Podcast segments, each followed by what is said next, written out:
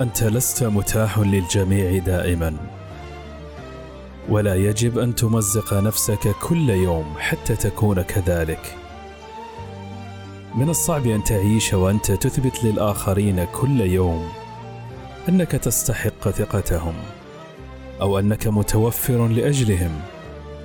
ضع الحدود المناسبة لك. قد تحتاجها يوما ما. أنت مهم. ولست بحاجة لإثبات ذلك.